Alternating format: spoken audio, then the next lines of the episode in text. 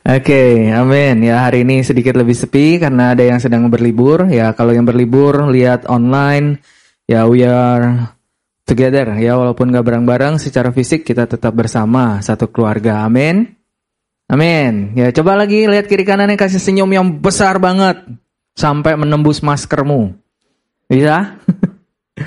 Oke, amin, amin.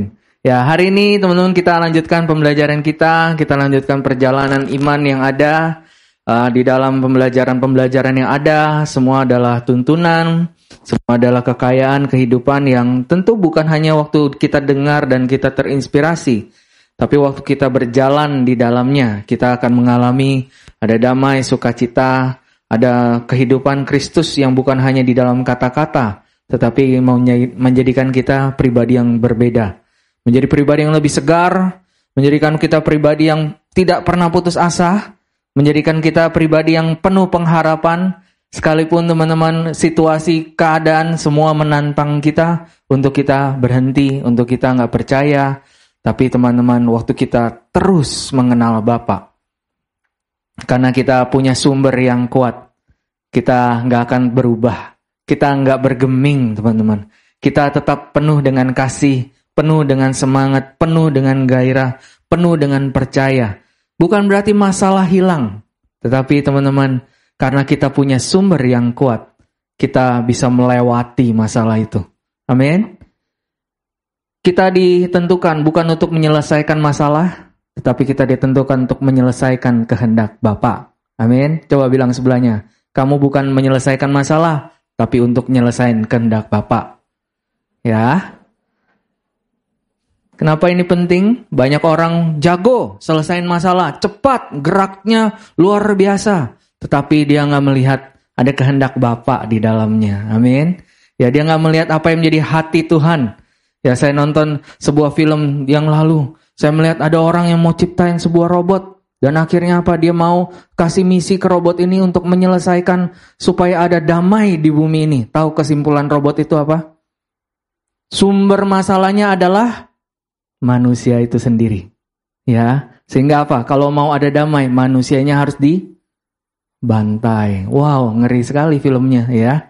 Nah, teman-teman hati-hati lihat apa yang kau tonton. Ternyata kelihatannya lucu, kelihatannya menarik, semua orang nonton, tetapi di dalamnya ada kejahatan, di dalamnya ada kekotoran, di dalamnya ada kekerasan, di dalamnya sedang ditaruhkan begitu banyak hal dalam hidupmu dan kau tidak sadar. Engkau bahkan rela membayar, engkau bahkan bersuka cita mengejar ngantri nonton film tertentu. Ya, kenapa kok Alung tiba-tiba ngomong ini? Nggak tahu teman-teman. Ada yang butuh kayaknya.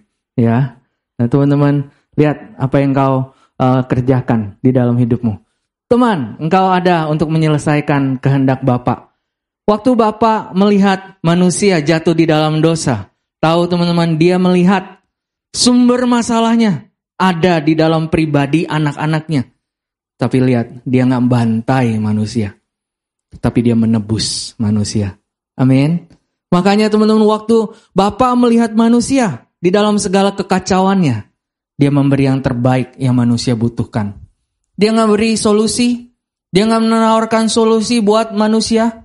Dia datang, dia mengirim anaknya yang tunggal.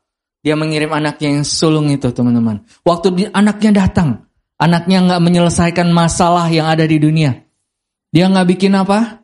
Dia nggak bikin listrik, dia nggak ciptakan di situ, dia nggak temukan mobil buat uh, orang-orang di situ. Teman-teman percaya waktu Yesus di bumi ini sanitarinya nggak baik? Percaya? Toilet baru diciptakan tahun berapa? Wah, pernah nggak teman-teman mikir Yesus tuh emang setiap hari mandi? Ya, wow teman-teman. Ya, Emang setiap hari uh, sanitarinya bagus? Jangan-jangan enggak. Dia nggak selesaikan masalah, tetapi dia menyelesaikan akar masalah, yaitu apa? Dosa. Terpisah. Manusia tidak mengenal Bapa. Makanya teman-teman, Yesus adalah yang terbaik yang dari Bapa yang dia berikan buat kita. Amin. Nah makanya hari ini judul kita seperti lagu yang dari tadi kita nyanyiin. Yesus adalah pusat dan tujuan dari hidup saya. Dia adalah pusat, dia adalah sumber, dia adalah apa? Uh, kontrolnya, dia adalah apa? Uh, pusatnya, dia yang kasih komando, dia yang kasih tahu sumbernya dari dia. Tetapi dia juga adalah tujuan. Dia juga adalah arah. Dia juga adalah sesuatu yang kita rindukan termanifestasi melalui hidup kita. Amin, teman-teman. Ya, waktu manusia bertanya pada Bapak, tanya kepada Tuhan, Tuhan, beri kami solusi, beri kami uh, jawaban buat hidup kami. Bapak berkata, aku beri Yesus. Amin. Oh, tapi Yesus luar biasa. Dia balik. Waktu orang bertanya, apa yang harus kami punya supaya kami bisa selesaikan semua masalah, selesaikan semua tantangan? Yesus menjawab, kenal Bapak. Wow, ya. Kenal Bapak maka semua akan bisa dilalui. Kenapa teman-teman? Kita sering baca ayat ini, Marilah kepadaku semua yang letih lesu dan berbeban berat. Aku akan memberi kelegaan kepadamu. Ayat ini nggak asing, kita udah bahas berapa minggu teman-teman. Tetapi kita mau lihat Orang-orang sering mengambil ayat ini kepada apa? Semua yang letih lesu dan berbeban berat. Teman, sadarkah engkau kenapa orang berbeban berat dan letih lesu? Kalau kita melihat di ayat yang ke-27, kita akan mengerti. Ternyata Yesus berkata seperti ini, tidak seorang pun mengenal Bapa selain anak. Hanya anak yang bisa mengenal Tuhan sebagai Bapa. Betul? Puji Tuhan ayatnya nggak stop di situ. Karena dibilang dan dan orang yang kepadanya anak itu, Yesus, berkenan menyatakannya. Dan baru di situ dia bilang, marilah kepadaku, semua yang letih lesu dan berbeban berat. Artinya apa teman-teman? Di situ Yesus sedang berkata begini, kalau kamu nggak mau, kalau kamu mau dapat ke, kelegaan, kamu mau tidak berbeban berat dan letih lesu lagi, engkau hanya butuh satu. Kau hanya butuh apa? Kenal Bapak. Waktu engkau mengenal Sang Bapa, kau mengenal Tuhan sebagai Bapa, engkau akan mengerti ada kelegaan di dalam hidupmu. Konteksnya ayat ini teman-teman, Yesus berbicara kepada orang Israel. Orang Israel pada waktu Yesus hadir waktu itu. Itu adalah apa? Mereka sedang dijajah. Yang membuat mereka terbeban beban berat dan letih lesu bukan karena mereka dijajah, tetapi karena mereka merasa Tuhan jauh. Mereka merasa Tuhan gak mendengar doa mereka. Mereka merasa dosa mereka membuat Tuhan marah dan tidak mau menolong mereka. Kenapa mereka berbeban berat? Karena mereka tidak tahu bahwa Tuhan adalah Bapa. Yang sekalipun kau gagal, dia mengasihimu. Karena mereka gak mengerti bahwa Tuhan paling senang dikenal sebagai seorang Bapa. Amin teman-teman. Hari ini kalau engkau mau mengalami rest, ya, teman-teman kita yang pergi liburan katanya lagi rest. Saya berdoa jangan sampai ya di dalam rest di liburannya stres teman-teman. Ya itinerary gagal, semua udah went perfectly well. Gara-gara yang satu itu nggak bisa tahan omongannya, ngebacot, wah marah, komplain, wah rusak semuanya. Berapa banyak orang liburan malah stres, ya ini bukan lagi nyumpahin yang lagi liburan teman-teman. Karena kita di sini semua sepakat kita sumpahin orang. Enggak. Ya, enggak, enggak begitu ya. Tetapi apa? Rest. Rest. The quality of your rest depends on the quality of your trust. The quality of your trust depends on the quality of your knowing. Amin teman-teman. Betul? Coba coba pikir dulu, kualitas resmu ditentukan dari kualitasmu percaya. Kualitas percayamu ditentukan dari kualitasmu mengenal. Misalnya teman-teman, aku mengenal Cipe, ini bukan misalnya, for sure aku mengenal. Ya, aku mengenal dia. Aku mengenal dia, dia trustworthy, dia reliable, dia benar-benar mengasihi saya. Saya mengenal dia. Karena saya mengenal dia, saya bisa percaya dia. Semakin saya percaya dia dan berdasarkan percaya saya terhadap dia, saya bisa rest. Amin. Jadi teman-teman, pengenalan akan Bapak kelihatannya sebuah hal yang simple. Tapi ternyata teman-teman, waktu engkau mendapatkan ini, waktu engkau mengalami ini, dan kata pengenalan ini bukan hanya sekedar berjumpa sebentar. Bukan hanya sekedar datang ke hari Minggu dengar khotbah, ikut komsel, ikut pemuritan, itu namanya mengenal. Bukan pengenalan tuh bicara terus menerus. Terus menerus. Ada keintiman, ada sesuatu yang menempel. Terus menerus. Bicara tentang, ah, aku mengambil sumber dari seseorang yang aku kenalin. Aku terus kenal dia. Dia gak berubah. Dia ada dalam hidupku. Amin teman-teman. Jadi hari ini, kalau kamu susah res, muncul pertanyaan, jangan-jangan kamu nggak banyak percaya sama Tuhan. Ya, aku percaya, aku percaya sama kekuatan dirimu sendiri.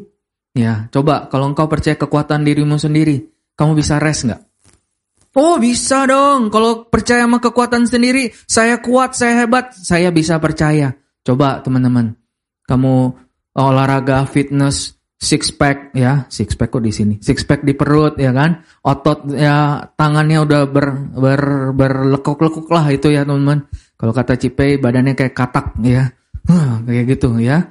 Nah teman-teman udah hebat, udah kuat, dipukul sama orang nggak berasa. Tapi coba naik pesawat yang jadi pilot orang belum lulus. Coba sekalipun badanmu kuat, sekalipun kamu hebat, dipukul 10 orang kamu kebal, kayaknya hebat.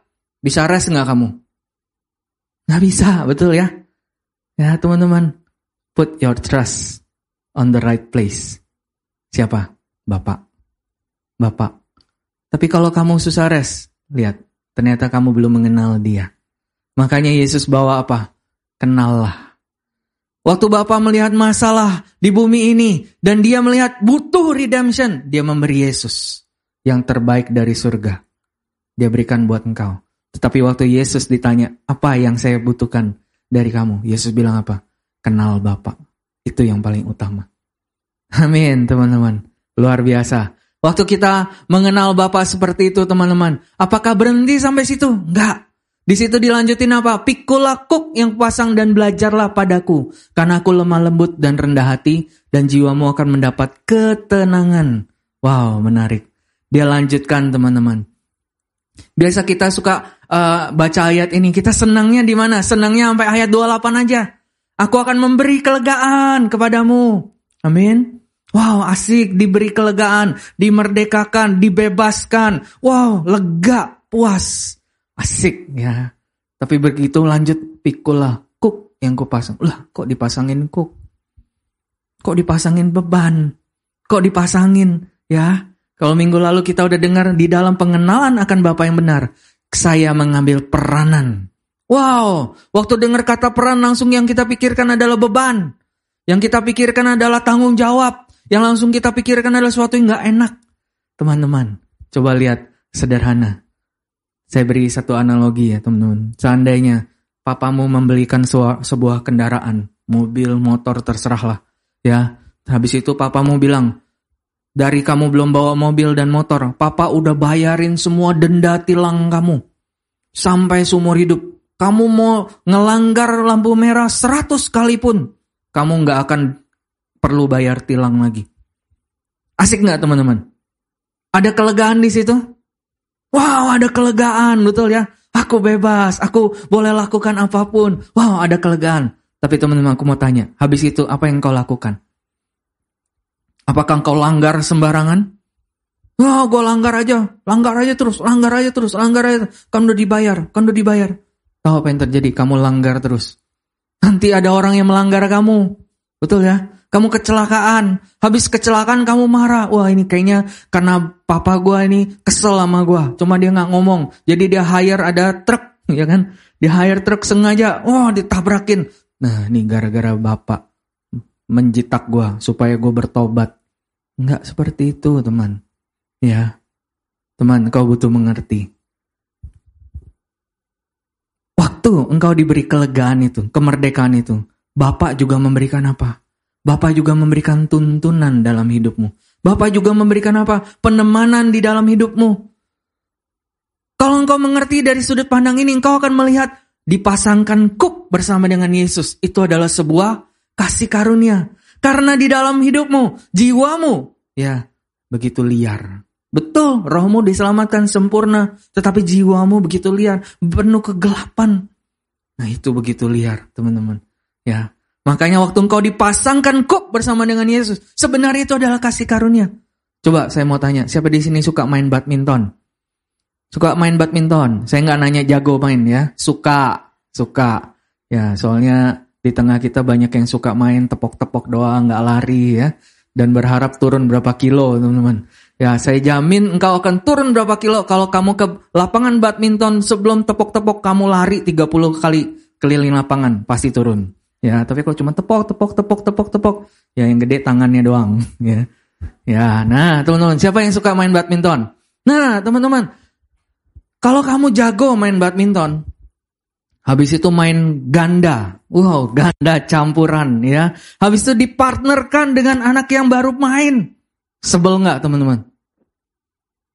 Gua nggak sebel kan, nggak sebel. Soalnya sebelah di sebelah gue nih, jadi ya nggak nggak sebel. Ya. Nah nggak. Nah teman-teman coba, Yesus, Yesus sebel nggak dipasangkan sama kamu? Kamu merasa dipasangkan sama Yesus beban? Coba saya tanya, Yesus sebel nggak dipasangin sama kamu? Sebel nggak? Coba tanya sebelahnya, sebel nggak ya? Sebel nggak Yesus dipasangin sama saya? Balas, Gue gak tahu Yesus. Kalau gue sih gue sebel dipasangin nama lu. Teman-teman, Yesus dia begitu rela, dia begitu apa, dia begitu mengasihimu, dia bilang apa? Aku tidak keberatan dipasangkan dengan kamu.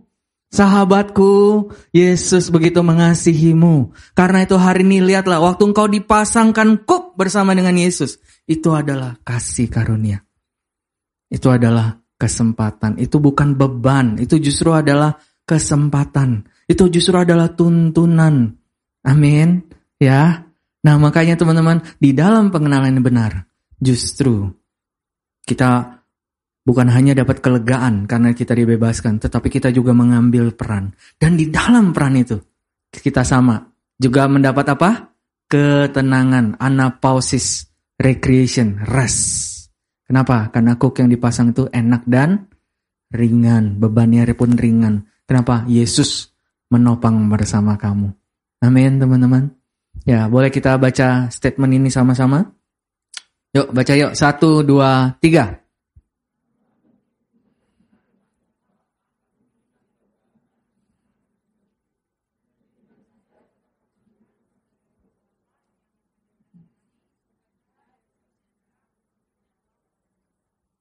Ya, sampai ya.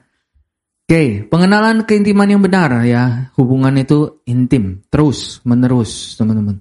Akan memberi kelegaan dan ketenangan sejati, sejati, ya. Dan memampukan menjadikan saya dapat mengambil peran sebagai wakil Bapak. Teman-teman, kau adalah wakil Bapak. Mungkin kau berkata, "Ih, wakil Bapak, saya saya saya, saya siapa? Saya nggak bisa. Saya ngomong belepotan. Saya masih muda. Saya IP-nya nggak bagus. Nilai saya masih warna-warni. Ya, tahu warna-warni? Merah, biru. Ya, nggak tahu lah teman-teman. Ya, teman-teman masih kacau. Kelakuan saya masih nggak benar. Tapi teman-teman lihat, menjadi seorang wakil bapak, engkau hanya butuh satu. Engkau hanya butuh mengenal pribadi yang engkau wakilkan. Amin. Kalau engkau mengenal pribadi yang engkau wakilkan, engkau akan bisa mewakili dia dengan benar. Jadi engkau hanya butuh terus menerus ada dalam hubungan yang intim sama dia, ya, mengenal dia sebagai bapak. Waktu engkau punya itu, engkau bisa jadi wakil bapak. Wakil bapak buat keluargamu, wakil bapak buat sahabatmu, wakil bapak buat orang-orang di kampus, orang-orang di sekolah, orang-orang di tempat kerja. Mungkin kau nggak sempurna, sudah pasti engkau nggak sempurna. Sudah pasti engkau masih banyak ketidakidealan. Tetapi karena engkau mengenal hati Bapa, engkau mewakilkan. Nanti pribadi orang-orang itu mereka akan melihat, iya ya kamu nggak sempurna. Tapi aku melihat bagaimana kamu begitu berusaha menyatakan Bapak yang kamu kenal. Thank you, kamu nggak berhenti. Amin teman-teman, luar biasa sekali kalau seperti itu. Ya, nah dari tadi kita waktu bicara soal peran ya, supaya saya bisa berperan dengan benar. Seringkali waktu kita bicara peran yang langsung muncul adalah beban. Siapa yang ngerasa seperti itu? Ya. Ada yang merasa seperti itu? Peran. Waktu ngomong peran tuh langsung beban. Peran tuh tanggung jawab, peran itu tugas, peran itu PR, peran itu lembur. Ya, lembur dengan tuntutan loyalitas, nggak ada uang lemburnya lagi, ya kan? Nah, teman-teman, Waktu kita bicara tentang peran, kita butuh mengerti bagaimana saya menghidupi peranan ini. Bagaimana saya butuh melakukan peranan ini. Dan kita akan uh, bisa mengalami di dalam melakukan peranan ini. Saya justru melihat peran adalah sebuah kesempatan. Sebuah kesempatan, teman-teman. Waktu saya punya anak masih kecil, teman-teman. Dia belum bisa mengambil peran apa-apa. Tapi saya begitu mengasihi dia. Waktu dia keluar masih bayi, belum bisa ngapa-ngapain. Saya sangat mengasihi dia. Saya bangga sama dia. Saya bangga sama apa? Tangisannya kenceng.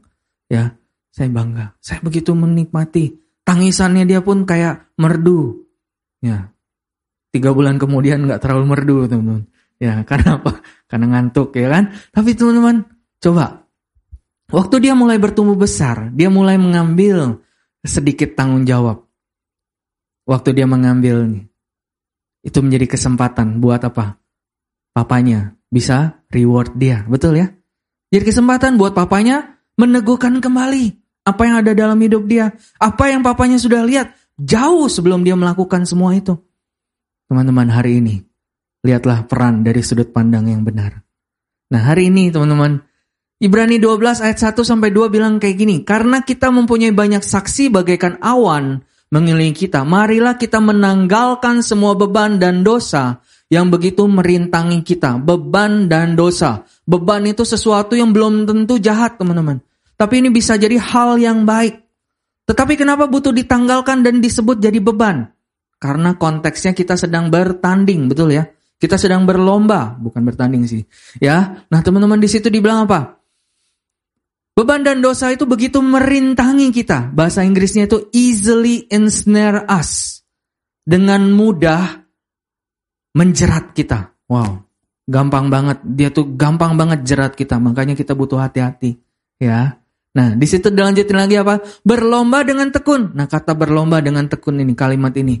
Ya, sebenarnya meaningnya adalah terus berlari dengan tekun dan teguh. Ya, karena waktu kita dengar berlomba dengan tekun ini langsung pikirnya kompetisi. Apalagi kita dari kecil udah diajar untuk punya competitive spirit. Betul ya? Ada yang di sini sadar engkau seperti itu? Kompetisi terus. Ma, nilai raportku bagus, 8 semua. Ya, oh 8 semua ya. Di temen di kelas kamu ada nggak yang 9? Ada. Kenapa kamu nggak dapat 9? Kamu harus nggak puas sama dirimu. Habis itu apa? Ditaruhkan kompetisi. Disaingin sama anak tetangga. Betul ya? Disaingin lagi sama anak tetangga, blok tetangga, klaster tetangga. Ya, semuanya lah teman-teman.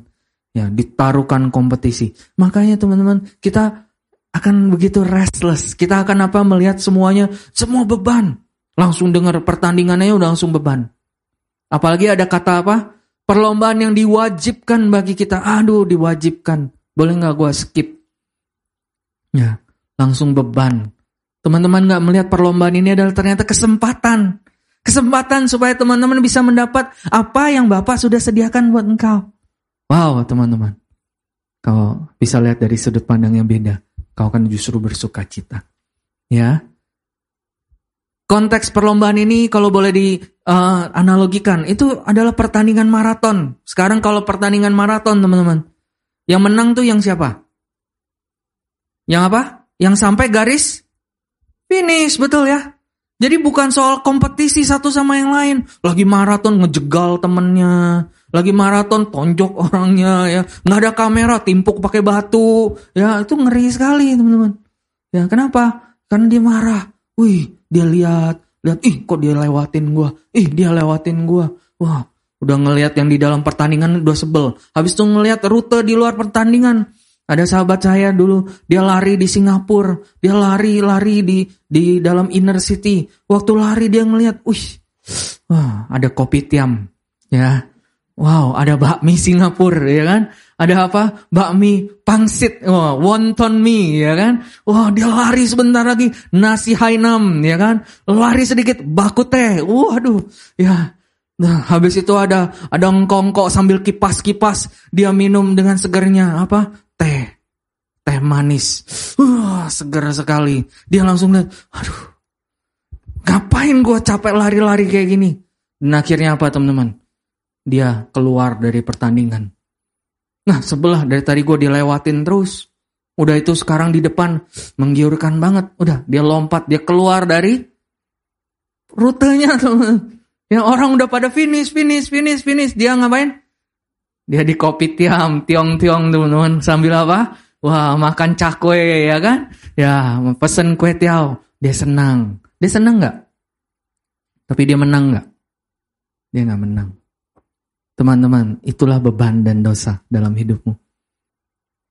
Wih, berarti kue tiao salah kak? Enggak salah teman-teman. Ya, wah di R&D ini aneh, semua dilarang. Sekarang kue tiao gorengannya dilarang. Ya nonton dilarang, ini dilarang. Enggak ada yang dilarang teman-teman. Semua itu kan baik, betul ya. Tetapi kalau dikontekskan dalam pertandingan, berkaitan dengan perjalananmu melakukan panggilan, jangan-jangan itu menjadi beban. Ada orang yang berlari uh, di rute pertandingan itu maraton dia pakai jas, ada? Nah terus bilang jas itu salah, jas itu ngaco, enggak, itu enggak cocok aja teman-teman. Ya, nah konteks hidupmu apa? Kamu mau selesaiin masalah atau engkau mau selesaikan panggilan Bapak? Kehendak Bapak. Amin. Nah, karena kita tahu beban dosa itu begitu gampang menjerat kita. Teman-teman, engkau butuh apa? Sekarang matamu. Engkau butuh apa? Melakukannya dengan mata yang tertuju kepada Yesus. Lihat Yesus. Lihat Yesus. Dia adalah the author and the finisher of your faith. Dia adalah apa? Dia adalah penulis. Dia yang memulai dan dia yang menyelesaikannya. Walaupun engkau nggak bisa menyelesaikannya. Engkau punya iman kembang kempis. Engkau punya iman uh, ngap-ngapan. Ya, sebentar semangat, sebentar enggak. Imannya percaya, enggak percaya teman-teman. Hari ini lihat, arahkan matamu kepada imannya Yesus. Ya, di dalam pertandingan itu pun jangan melihat dirimu. Kan banyak ya dari sering kita look within yourself, betul ya? Ya betul, nggak salah juga sih within yourself, tapi within yourself yang dalam banget itu apa? Roh Tuhan di dalam hidupmu. Jangan lihatnya kepada kegelapan jiwamu. Waktu lihat kegelapan jiwamu, ih gua tuh males ya, ih gua tuh nggak murni ya, ih gua tuh banyak campuran ya, ih gua tuh jahat ternyata. Ternyata gua punya kebengisan. Wah, muka gua holy. Ternyata di dalam ada kekerasan yang begitu dark. So dark. Apalah gitulah teman-teman. Ya, segelap semuanya. Teman-teman, set your eyes upon Jesus. Pandang dia. Jadikan dia pusat. Dan jadikan dia tujuan. Jadikan dia. Dialah pusatnya. Bukan kekuatan saya. Bukan kebiasaan saya. Tapi dia. Dia. Saya mau menyatakan dia. Bukan diri saya. Wow. Kalau engkau melihatnya seperti itu teman-teman. Kalau engkau melihat seperti itu. Engkau akan mendapat kekuatan yang tidak pernah berkesudahan. Amin. Ya, saya mau melepaskan setiap beban, rintangan, dan terus mengerjakan kehendak Bapa dengan menjadikan Yesus sebagai pusat dan tujuan dari hidup saya. Amin. Jadi bagaimana saya melakukan peran ini? Terus. Katakan sama sebelahnya, terus. Terus apa? Terus berjalan. Terus teman-teman mengerjakan kehendak Bapa dengan menyadari apa? Bahwa engkau sudah dikuk bersama dengan Yesus. Kalau engkau sudah dikuk bersama dengan Yesus, artinya apa teman-teman? Kesempurnaan dia adalah kesempurnaan timnya kamu. Betul teman-teman.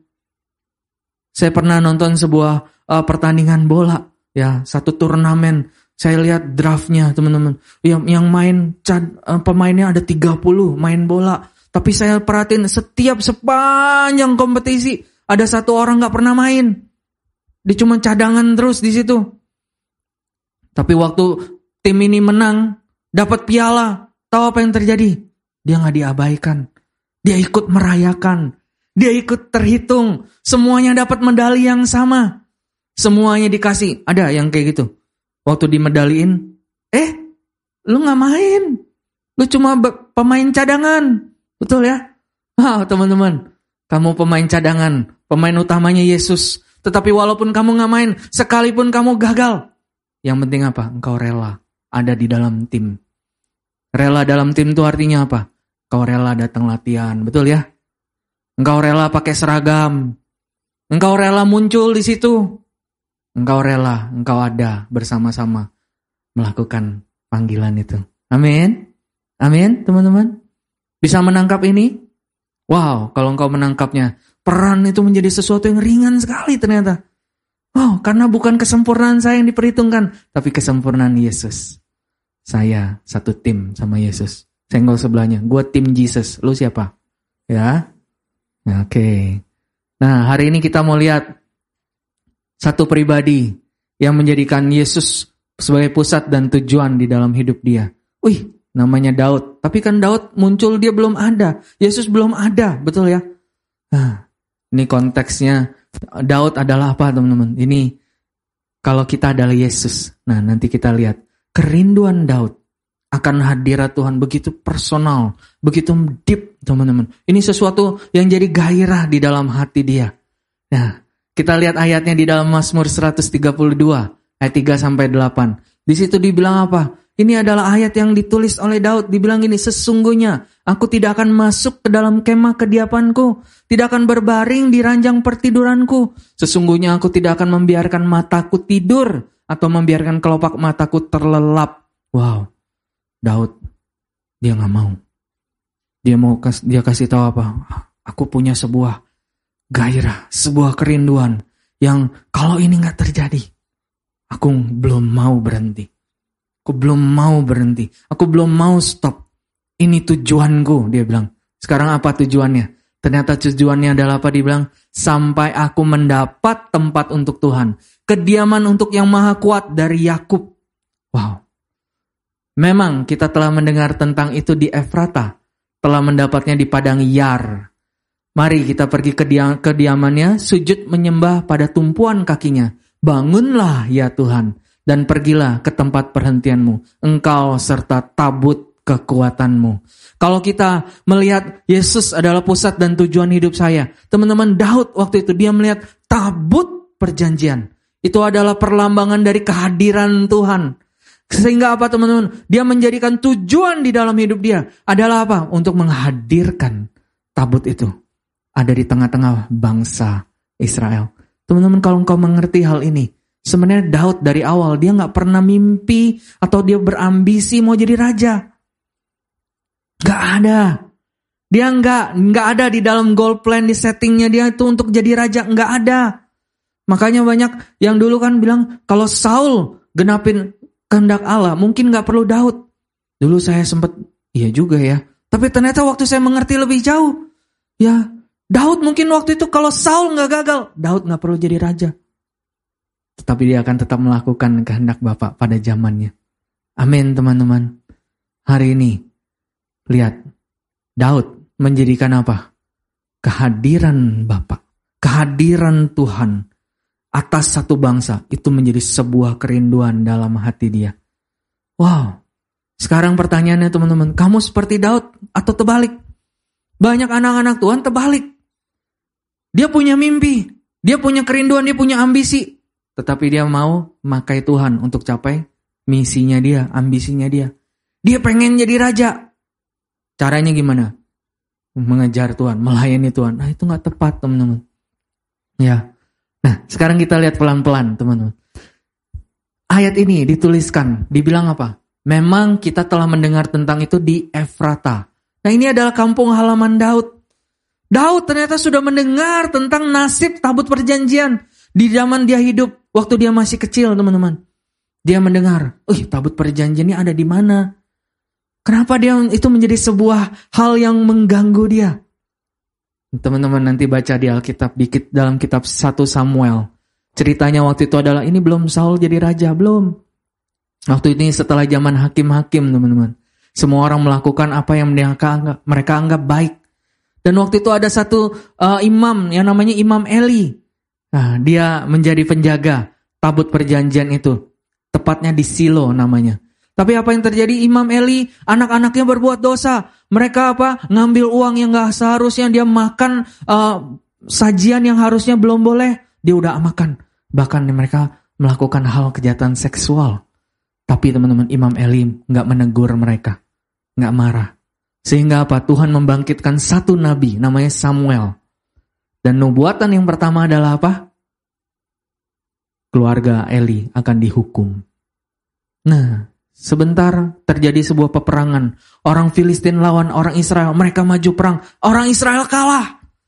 Orang Israel kalah dan mereka bilang apa? Masa kita kalah di sini? Baiklah kita mengambil tabut perjanjian Allah untuk ada bersama kita di medan peperangan dan kita akan ditolong sama Tuhan.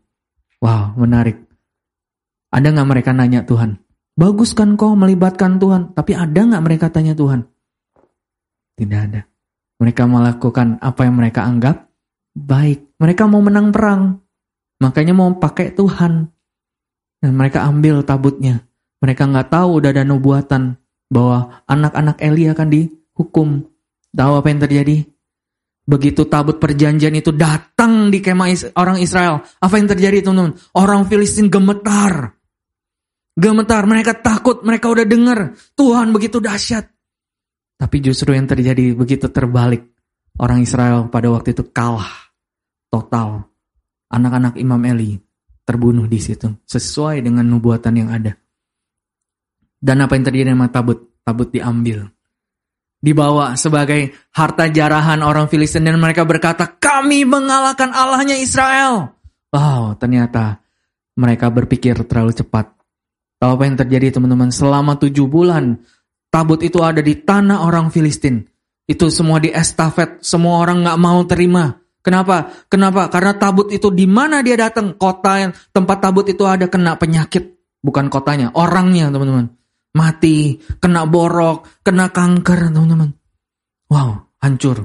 Ditaruh di satu kuil berhala teman-teman. Berhalanya jatuh, kepalanya menunduk, jatuh diberdiriin, pikir kebetulan kan. Besoknya, wah hancur, notal. Sampai mereka nggak tahan. Dipindahin ke kota ini, jangan, jangan, jangan, jangan. Pindahin lagi, jangan, jangan, jangan, jangan. Nggak ada yang mau, tujuh bulan. Akhirnya apa teman-teman? Tuhan nggak perlu dibela, dia bisa bawa balik dirinya. Ya. Akhirnya orang Filistin nggak tahan, nggak bisa, nggak bisa. Kayak gini kita mati, kita hancur. Akhirnya apa? Mereka bikin satu kereta baru, pasangin sat, satu kerbau, ya. Kerbau yang apa? Kerbau yang baru menyusui. Kenapa? Mereka pengen tahu, benar nggak sih ini Tuhan, Tuhan yang Israel? Pasang satu kerbau yang menyusui. Secara naluri dia akan menyusui anaknya. Ya, tapi teman-teman, kereta ini langsung mengarah ke Israel. Tanpa turut campur tangan Tuhan. Eh, tanpa turut campur tangan orang Israel. Salah, teman-teman. Ya, saya dikasih dan diterima. Terima kasih. Amin. Ya. Tanpa turut campur tangan orang Israel, Bapak sanggup menyatakan kehadirannya. Amin. Bapak butuh kita? Enggak. Tetapi dia melibatkan kita.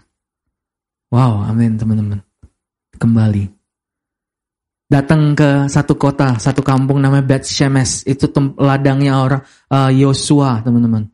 Tapi apa yang terjadi? Orang Bet Shemesh, ya karena mungkin dia keturunan Yosua, ya keturunan Yosua dan akhirnya apa? Mereka sangat terlatih di dalam hukum dan juga mungkin mereka terlatih ya kalau ada barang yang dikembaliin biasa security bilang apa? Tolong dicek isinya, ya cek dulu isinya ada yang hilang nggak? Nah waktu tabut perjanjian dikembalikan mereka cek isinya teman-teman. Maksudnya baik nggak? Maksudnya baik, jangan sampai hilang betul nggak? Tapi mereka mencari hukum. Tahu isi hukum itu minggu depan dibahas ya. Isi isi tabutnya apa sih? Ya, minggu depan baru dibahas ya. Teman-teman, mereka mencari hukum, makanya mereka dihukum. 70 orang meninggal. Bad Shemesh. Wow, teman-teman. Akhirnya apa? Nggak ada lagi yang mau terima lagi. Nggak ada yang mau. Akhirnya apa? Ditaruhlah di satu kota namanya Kiryat Yarim. Di rumah satu orang namanya Abinadab. Dipilih satu anak untuk take care uh, tabut perjanjian ini. Tahu nama anaknya siapa? Eleazar. Tahu na arti nama Eleazar? So God help me. Ya, menarik ya namanya. Dia udah dengar semua mati, mati, mati. Gue yang disuruh. Eleazar. So God help me. Jangan sampai gue mati. Benar dia nggak mati teman-teman. Amin. Dan semenjak itu 20 tahun berlalu, diabaikan. Saul muncul, diabaikan. Kenapa?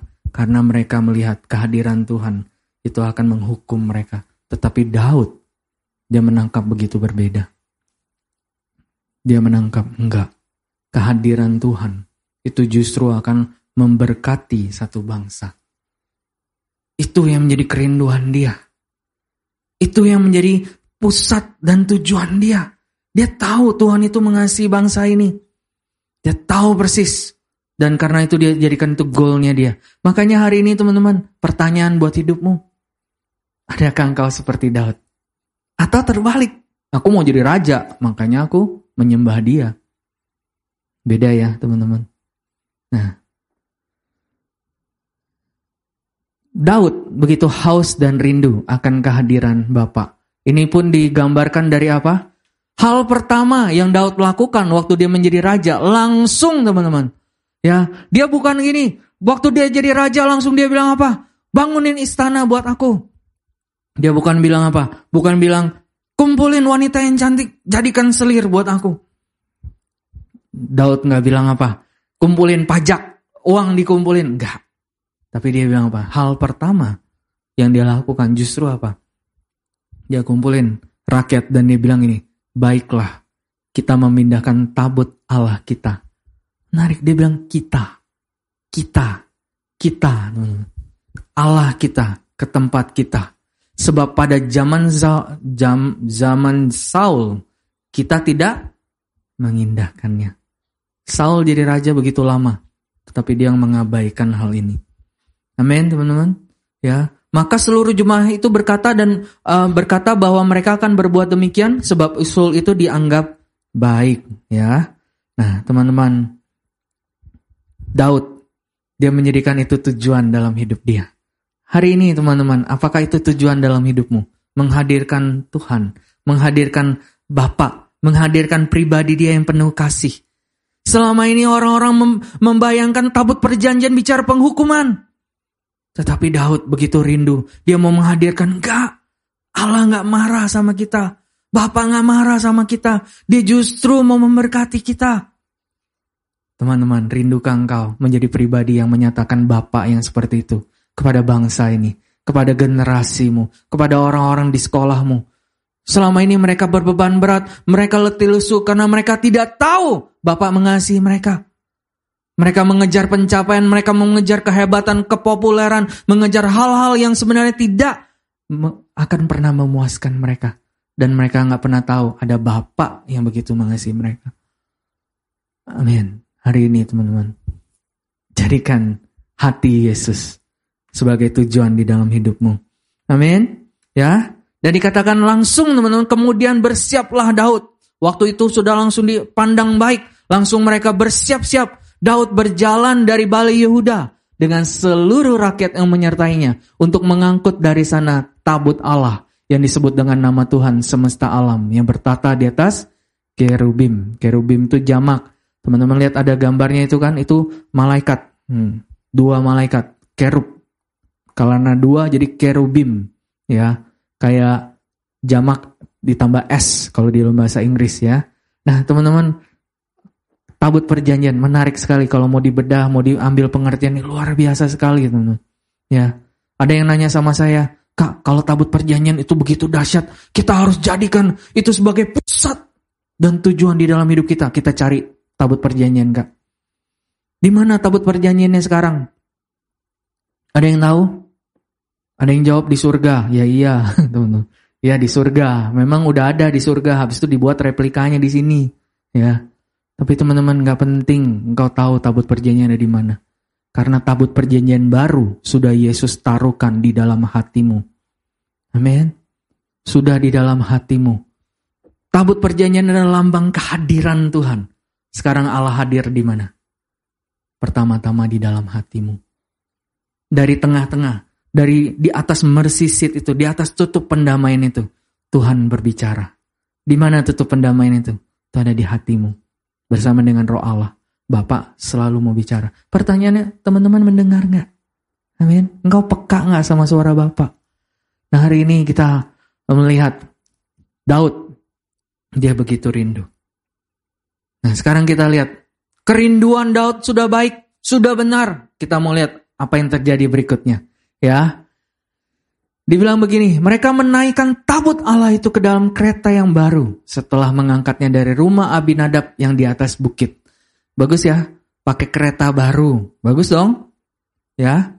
Mereka niru cara orang Filistin ya. Mereka, wah biar cepet. Wah udah gak sabar. Kerinduan saya supaya tabut ini ada di Yerusalem. Harus cepet. Ada. Orang Filistinnya pakai kereta. Sekarang kita pakai aja aman ya. Tahu apa yang terjadi?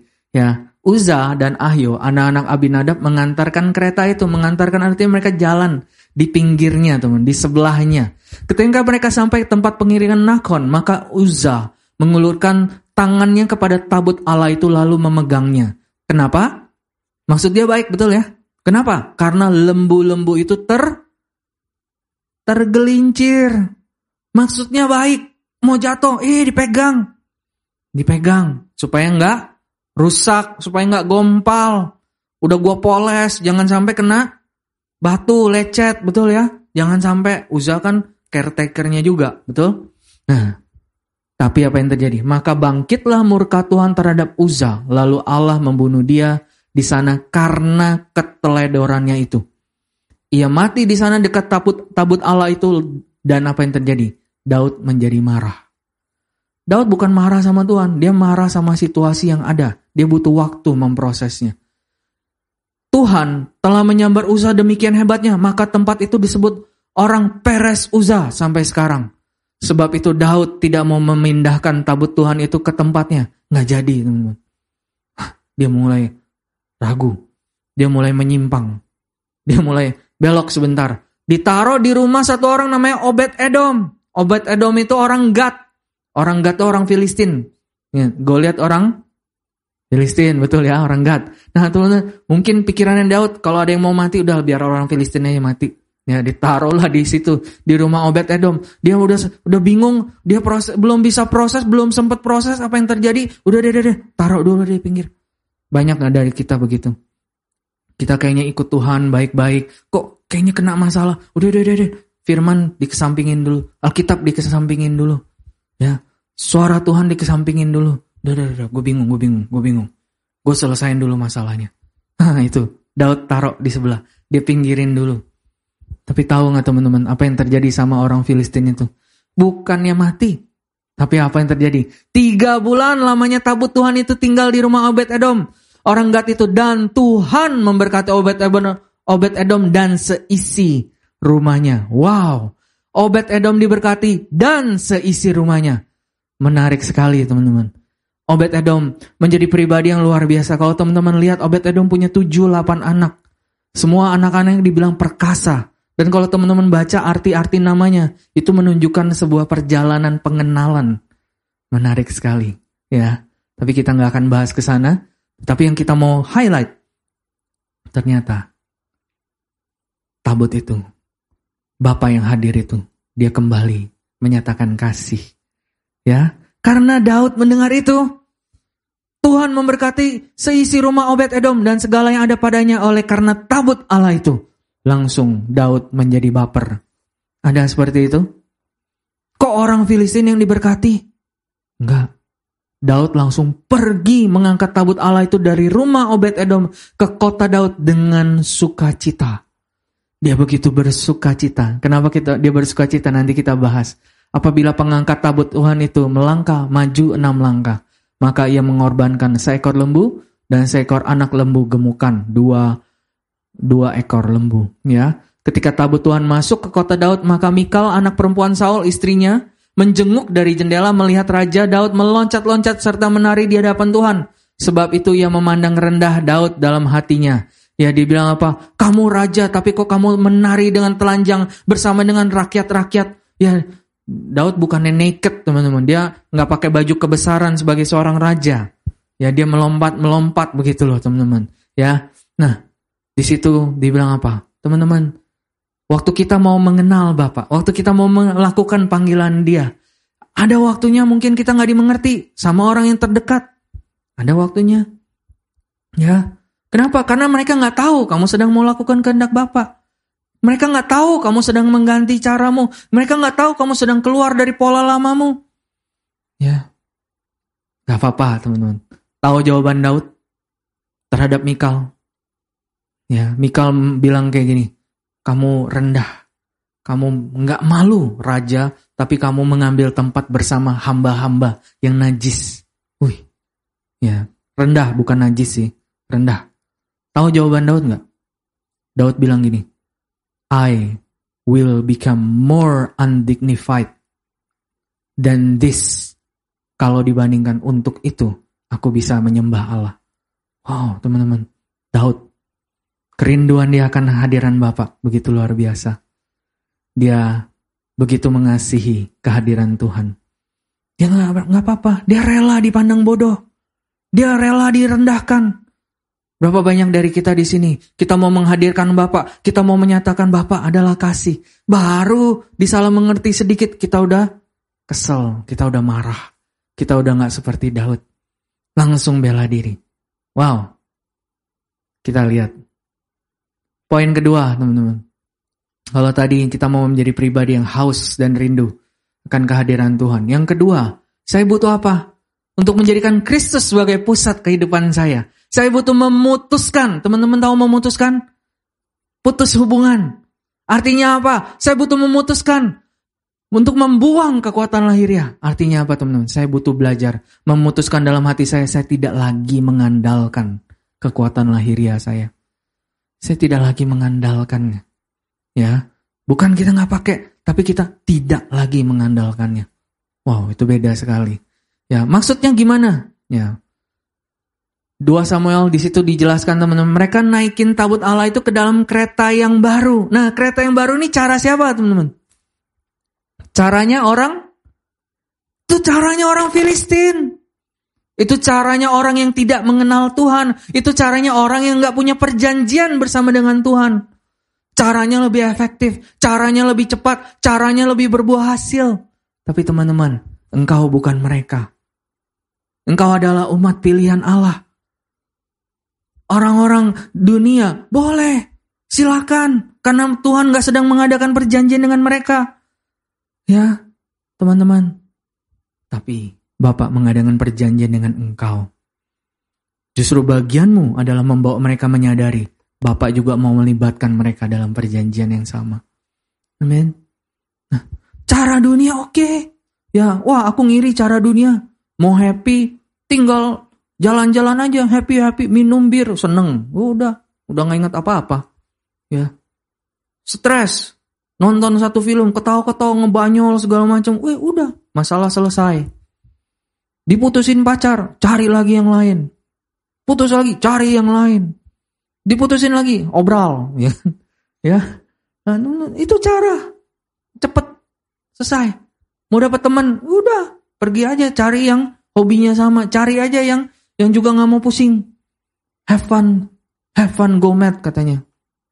Hmm, jadul banget tuh judul lagu. Ya, ya have fun, go mad. Ya puas. Hmm, gak ada. Nah teman-teman, saya butuh membuang kekuatan lahiriah. Kalau saya mau menghadirkan kerajaan Allah, saya mau menghadirkan uh, Bapak yang penuh kasih ini, saya butuh tidak mengandalkan cara saya. Nah teman-teman hari ini, sadarkah Sekalipun mungkin mukamu uh, baby face, lugu, kayaknya lembut, tapi sebenarnya di dalam hidupmu engkau membawa banyak cara. Engkau banyak cara di dalam hidupmu. Kemarin saya uh, orang-orang yang saya muridkan ada satu, dia cerita, dia cerita, dia cerita bagaimana dia um, dia nanya, kok aku uh, memang harus ya berkomunitas terus, nggak boleh ya bergaul sama orang yang di luar komunitas. Saya bilang sama dia, emang pernah ada larangan kayak gitu? Gak ada lagi kayak gitu. Terus saya tanya dia, memang kamu kenapa? Lebih suka gaul sama yang mana? Nah dia bilang, dia bilang, iya sih, kayaknya kalau sama orang orang komunitas tuh kayaknya capek ya. Kayaknya kenapa capek? Iya kayak harus jaga manners gitu loh. Ngomong kayaknya harus hati-hati. Jalannya harus sedikit gemulai, anggun ya. Badan ke atas nggak kelihatan sedang bergerak. Kakinya dong gitu kan. Ya. Wow kayaknya gimana gitu ya. Ngomongnya pun harus lembut. Sapa? Hai bro wis ya kita penuh kasih di sini asik ya kan ya saya bilang sama dia kok aneh aneh apanya kok ya aneh dong di komunitas ini ditaruhkan kasih dan penerimaan tapi kok kamu malah nggak bisa apa adanya. Oh iya juga ya kok. Dia baru tersadarkan teman-teman. Dia baru sadar. Dia baru sadar dia punya cara yang salah. Saya ngobrol lagi sama dia. Saya ngobrol dia. Saya tanya dia, emang kamu cari apa sih? Ya, Iya, kalau sama teman-teman yang itu, aku nggak dimasalahin, aku nggak disalahin. Ya, aku mau ngomong apa pun, terserah. Aku nggak apa-apa, temenan aja. Oh gitu. Berarti yang kamu cari itu kamu nggak disalahin ya? Yang kamu cari itu kamu butuh diterima ya? Iya sih kok, gitu. Berikut saya tanya sama dia. Kamu udah berteman sama mereka berapa lama? Ya, lebih lah lima tahun. Berteman sama mereka, hidupmu berubah nggak? Enggak sih. Biasa aja. Tapi mereka go to-nya saya kak. Saya stres, saya ke situ. Ya minimal gue lumayan lah. Stress relief. Ya. Sekarang gue ke komunitas. Udah udah gue nggak dapet stress reliefnya. Ya. Udah udah harus mencoba, udah terbeban. Habis itu nggak stress relief. Mendingan komunitas yang lama lah. Saya bilang sama dia, nah kamu tuh salah. Kamu tuh ngubah caramu yang A pindah ke caramu yang B. Ya, kamu nggak memutuskan membuang kekuatan lahiriamu. Kamu tetap memakai caramu, hanya beda ekspresi. Ya, gitu ya kok. Jadi gimana? Yang kamu butuh lakukan, kamu embrace cara Tuhan. Cara Tuhan dalam berkomunitas itu gimana sih? Tuhan bilang apa? Come as you are. Datang apa adanya. Wah susah kok ngomong nanti aku dianggap apa? Saya tanya lagi, kamu tuh ada masalah kayaknya. Kamu tuh kenapa sih? Kamu takut disalahin ya? Wah teman-teman, pembicaraan jadi panjang. Dan itu ternyata sesuatu yang ada di dalam hidup dia. Di dalam hidup dia, dia banyak luka. Papanya sering bilang kamu anak sial. Dikatain kamu tuh apa? Kamu tuh apa? Anak sial. Bego. Nggak guna. Tahu cara dia apa teman Supaya dia nggak dikatain anak sial terus. Akhirnya apa? Dia diem. Dia jadi orang yang pasif. Dia jadi nggak mau inisiatif. Dia jadinya sendiri aja. Dia mengisi kekosongan dirinya dengan apa? Main game. Dia pokoknya isolate. Di luar kelihatannya baik-baik aja. Gimana kabarnya? Baik kok. Coba lihat sebelahnya. Gimana kabarmu? Baik kok. Nah yang kayak gitu lah teman-teman. Baik kok ya, semua baik, semua oke, semua nggak ada masalah. Oh teman-teman, begitu dalam waktu masuk dalam hidup dia, wah banyak hal. Dia ternyata begitu terluka, teman-teman. Dia begitu terluka, luka dia menghasilkan sebuah cara dalam hidup dia. Tapi teman-teman, cara itu butuh diganti.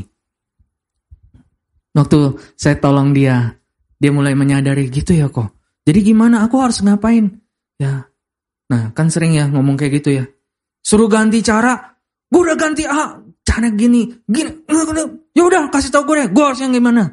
Waduh, bukan itu juga maksudnya.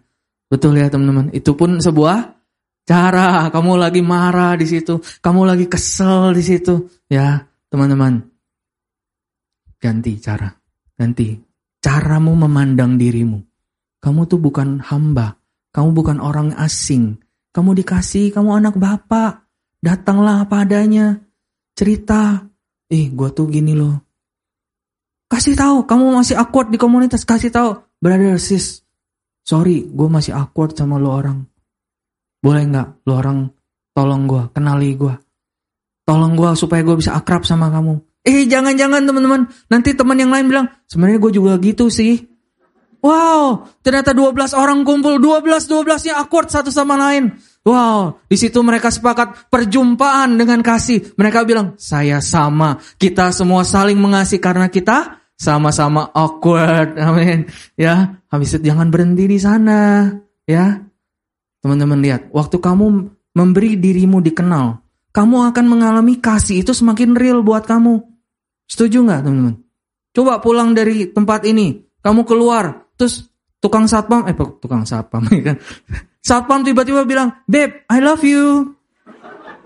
Coba responmu apa? Apa ini? Apa, apa nih? Nggak ngerti kan langsung. Sampah ini nggak jelas. Betul ya? Tapi kalau ada orang yang begitu kenal kamu, dia kenal kamu luar dalam. Terus dia bilang ini, brother, aku mengasihi dan menerimamu apa adanya. Bunyi nggak tuh suara kalimat? Dibanding I love you, ya? Hah? Lebih bunyi yang mana, ayo? Lebih bunyi yang mana? Lebih meaning karena kamu dikenal dan kamu dikasihi. Amin. Give your brother and sister in Christ a chance. Open yourself. Come as you are. Beri dirimu dikasihi. Ganti caramu teman-teman. Nah ini aja baru dari tadi cuman ngomong satu jenis cara. Caramu yang lain banyak lagi. Ya, caramu deal dengan kegagalan. Caramu deal dengan keberhasilan. Caramu deal dengan apa? Dengan bagaimana engkau menghibur dirimu. Ya, wow banyak sekali. Nanti waktunya ya udah habis sih. Ya, jadi nggak bisa dilanjutin teman-teman. Ya, nah sekarang teman-teman. Daud sadar, oh cara dia yang salah. Makanya teman-teman dia akhirnya apa? Dia dia berubah di situ. Ketika itu berkatalah Daud, janganlah ada yang mengangkat tabut Allah selain dari orang Lewi. Sebab mereka lah yang dipilih Tuhan untuk mengangkat tabut Tuhan dan untuk menyelenggarakannya sampai selama-lamanya. Amin teman-teman. Daud waktu itu sudah jadi raja. Tapi teman-teman dia bersedia ganti caranya. Dia bersedia loh. Dia terluka nggak? Dia kesel nggak? Dia bingung nggak? Tapi dia bersedia ganti cara dia. Dia nggak mempertahankan posisi dia. Gua raja, semua harus ikutin gua. Enggak. Eh, tapi saya menemukan banyak sekali anak-anak Tuhan. Belum juga jadi raja, tapi nggak mau ganti caranya. Satu orang diminta arahan. Saya kasih arahan langsung, uh, dia langsung keluar ilmu ngelit. Ya, berkelit maksudnya. Cat, cat, cat, cat, cat, keluarin berbagai, berbagai macam alasan, berbagai macam uh, apa pembelaan. Oh, saya bilang sama dia, kamu ikutin nggak ikutin arahannya? Saya nggak diuntungkan ataupun dirugikan. Ini itu untuk kamu. Wah dia kelit sana kelit sini keluar lagi pembelaan. Ternyata di dalam hidup dia tuh kalau dia menghadapi sebuah hal yang nggak nyaman, dia tuh punya cara apa? Dia bela diri. Wih bela dirinya keluarnya apa kok? Taekwondo? Enggak. Ya dia nggak silat di badan, dia nggak silat di tangan, dia silatnya di di chat teman-teman ya kan? Wah jempolnya yang bersilat sat. ya teman-teman ya bilang sebelahnya saya kenal satu yang kayak gitu juga. Ya ada gue kenal yang kayak gitu tuh. Siapa ya itu? Agak lupa sih tapi ada ya kan? Nah teman-teman belum jadi raja udah nggak mau. Udah susah diganti caranya. Berkelit sana berkelit sini. Teman-teman sampai satu titik dia bilang kok kalaupun aku nggak ikutin arahan koko Tahu nggak aku tetap mengasihi Koko. Ya, saya bilang sama dia, kamu tuh ya, oh, nada saya agak naik, ya kan? Kamu tuh ya, dari kamu, Wih, bukan gitu juga sih, ya kan? Dari kamu nggak taat pun, dari kamu dari dulu berontak pun, aku sudah memutuskan mengasihi kamu. Kok kamu kayak begitu? Ya, teman-teman, hari ini Bersedia nggak saya ganti cara saya? Daud dia bersedia. Dia cari, oke okay, kerinduan dia benar, tapi cara dia masih salah. Tapi dia mau belajar. Dia ganti. Dia sekarang ngerti. Oh ternyata, ternyata Tuhan punya cara dalam memindahkan tabut. Yaitu dengan apa? Orang Lewi harus angkat. Ya. Oh tepok jidat ternyata gara-gara salah pakai. Pakainya malah kerbau bukan orang Lewi, ya. Nah, teman-teman, ada orang yang nanya sama saya, Kak, kenapa sih Tuhan tegas banget di zaman itu sampai Uza tuh di disamber begitu? Ya, teman-teman. Satu, pertama itu di perjanjian lama, karena tuh hari ini kamu nggak ada yang disamber kalau kamu ya ngerti ya, nggak ada petir yang menyambar hidupmu, ya. Nah, tapi teman-teman kau butuh mengerti, kenapa Tuhan begitu tegas di dalam konteks ini? Karena dia mengasihi engkau. Karena dia nggak mau kamu salah tangkap.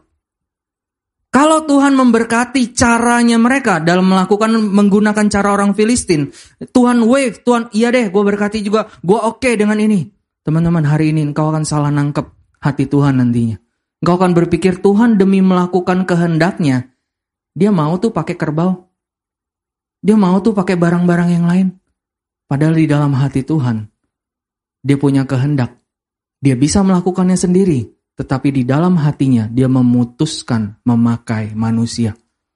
Dan bukan sembarangan manusia, dia memilih orang yang dikuduskan, orang yang sudah terpilih dari awal, orang Lewi itu. Orang yang punya perjanjian. Siapa orang Lewi itu? bukan pemain profetik, bukan tim penyembahan, bukan teman-teman. Orang Lewi itu adalah siapa? Di dalam Kristus, engkaulah orang-orang itu, teman-teman. Engkaulah orang-orang yang memiliki perjanjian bersama dengan Allah. Melalui hidupmu, Bapak mau menghadirkan kasih sayangnya dia, teman-teman. Tuhan lebih sayang manusia daripada kerbau. Buat apa dia pakai kerbau? Buat apa dia reward kerbau? Yang dia mau reward adalah anak-anaknya. Amin, teman-teman. Tangkaplah hati Bapak. Engkau akan begitu mudah. Jadi mengerti hati dia, engkau bersedia ganti caramu. Amin. Yang ketiga, teman-teman. Peka dan segera meresponi maksud Bapak. Ya, Daud waktu dia mendengar tentang Obed Edom diberkati, sekali lagi Daud dia nggak baper, dia nggak tenggelam dalam kegagalan, dia nggak tenggelam dalam kesalahan, dia nggak teman-teman. Di dalam situasi yang kayaknya harusnya digampang banget memperbandingkan diri dia. Banyak nggak kita kayak gitu teman-teman? Lihat orang diberkati kita baper. Lihat orang dapat pasangan kita kesel. Lihat orang dapat pekerjaan lebih baik. Kita ngerasa Tuhan nggak sayang sama saya. Teman-teman, jadilah pribadi yang peka. Peka dalam satu kejadian. Tapi yang kau tangkap hati Bapak. Daud begitu peka. Daud begitu peka. Di dalam tiga bulan dia pikir, what went wrong ya Tuhan? Aku percaya banget engkau mengasihi. Aku percaya banget kehadiranmu. Ah, bukan mendatangkan hukuman. Tetapi justru mendatangkan kasih damai dan sukacita. Tapi what went wrong? Waktu ini dinyatakan. Daud mendengar suara Bapak. Bapak berkata, Daud, kerinduan hatimu tidak salah. Come on. Lihat, Aku adalah Allah yang memberkati. Aku adalah Allah yang memberi. Aku adalah Allah yang inisiator kemurahan. Aku bukan Allah yang menghukum. Waktu dia menangkap itu kembali, dia kembali bersemangat teman-teman. Dia kembali bangkit dan langsung dia meresponi maksud Bapak. Dia nggak gini teman-teman. Dia nggak, eh, eh tunggu. Tunggu dulu 10 bulan lagi. Kita lihat Obed Edom benar diberkati gara-gara tabut atau gara-gara dia memang ternyata dia lihai. Ya, dia lihai dibikin sayembara, ya show, lihat tabut perjanjian, ya diambil uangnya, bikin tiket kayak gitu, ya kan? Nah, maksudnya apa? Dia nggak curiga. Dia nggak, teman-teman, dia nggak curiga. Dia langsung nangkep. Banyak kan dari kita kayak gitu. Ayo responi panggilan Tuhan. Eh, eh nanti dulu kak. Benar nggak sih saya dipanggil sama Tuhan? Benar nggak ya saya dikasih sama Tuhan? Jangan-jangan kakak salah ngajarnya. Jangan-jangan kakak cuma mau pleasing saya. Jangan-jangan kakak cuma mau uh, menghibur saya. Kamu kan orang pilihan. Jangan-jangan kakak cuma mau cari pekerja di di gereja kakak. Eh, hey, please teman-teman. Saya percaya di dalam Tuhan. Bapak nggak pernah kekurangan pekerja. Amin. Tidak pernah dia kekurangan pekerja. Sekali lagi, Bapak nggak pernah butuh setiap dari kita. Tapi dia melibatkan setiap kita. Amin. Wow, jangan tunda teman-teman. Langsung meresponi. Dia langsung meresponi, dia langsung maju teman-teman. Tapi di situ dia bilang apa? Setiap pengangkat tabut Tuhan itu melangkah maju enam langkah. Maka ia mengorbankan seekor lembu. Seekor anak lembu gemukan. Teman-teman kau butuh menangkap ini baik-baik. Kalau tadinya mereka tadinya ngikutin kereta kerbau. Akhirnya yang memimpin mereka kerbau. Ya, lebih aman, lebih nyaman, betul ya? Kerbau jalan, kita jalan. Tapi sekarang teman-teman, coba kalau engkau jadi imam Lewi itu. Engkau angkat tabut perjanjian. Di depanmu ada apa? Nggak ada apa-apa, betul ya? Nggak ada apa-apa dan tiga bulan sebelumnya kamu udah dengar berita Uza disamber. Nah, kira-kira teman-teman kamu yang jadi imam Lewi itu langkahmu penuh iman nggak? Hah? Langkahmu bakal penuh iman nggak? Setiap langkah itu akan penuh dengan iman. Nah tapi sekarang pertanyaan imannya terhadap apa? Imannya kepada apa? Nah ini teman-teman, setiap enam langkah. Enam itu bicara kekuatan manusia. Peres Uza. Peres itu the breaking of Uza. Kekuatan manusia dipatahkan. Uza itu artinya kekuatan. Jadi Peres Uza itu adalah kekuatan manusia dipatahkan. Mereka sekarang sadar, kesempurnaan seorang manusia tidak bisa menghadirkan kerajaan Allah, tidak bisa menghadirkan Bapa. Makanya setiap enam langkah mereka diingatkan betapa saya tidak sempurna.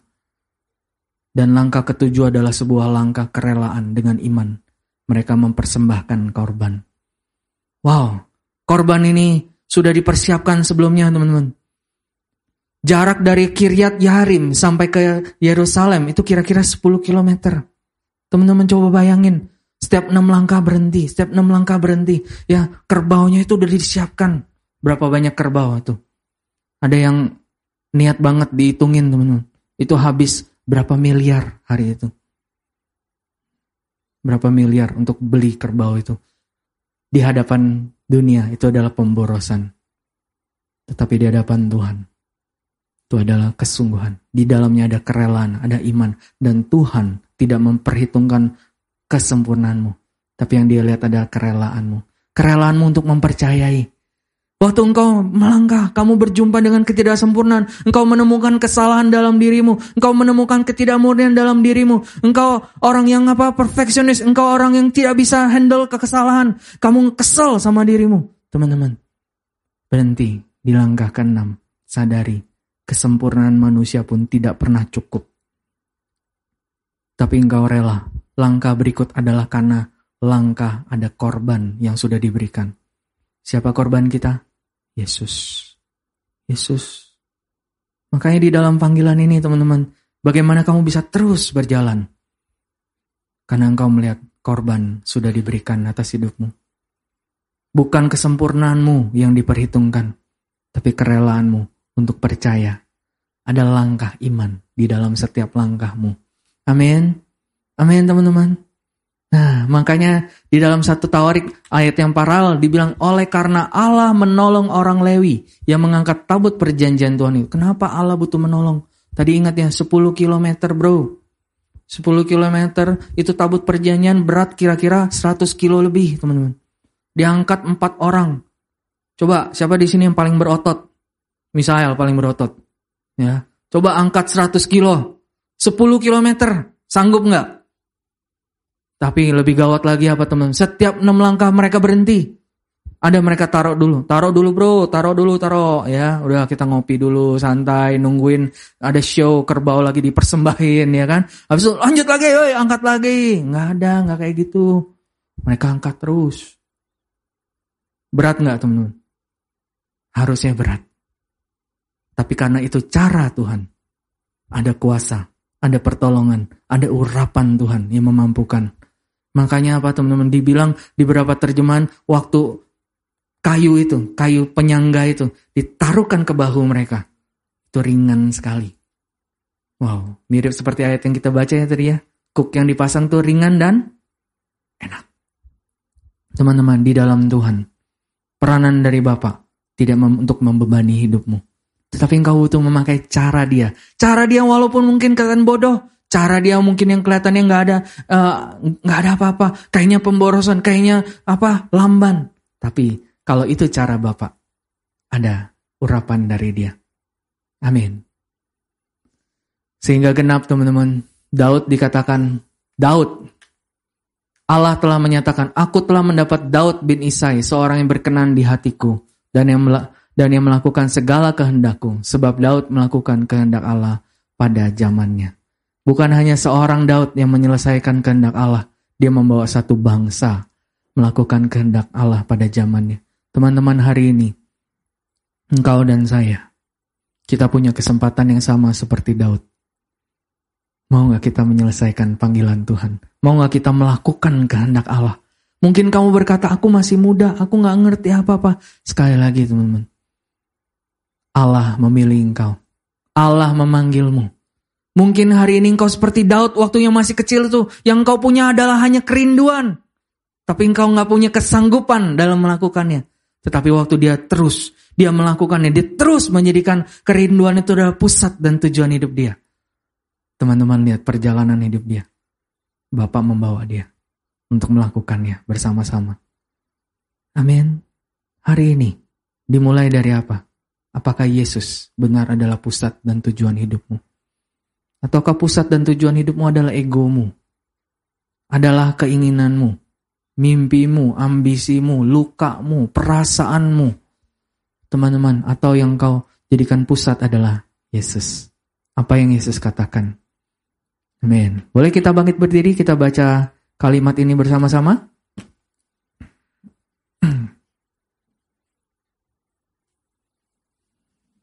Satu, dua, tiga.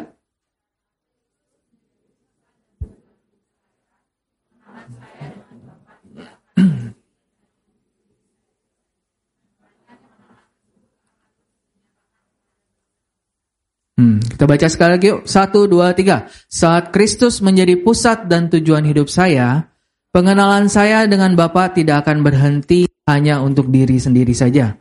Melainkan pengenalan tersebut akan terus dinyatakan kepada bangsa-bangsa. Amin teman-teman hari ini engkau dipanggil menyatakan Bapak buat bangsa-bangsa. Teman-teman percaya itu? Atau engkau sulit mempercayainya? Apa-apa.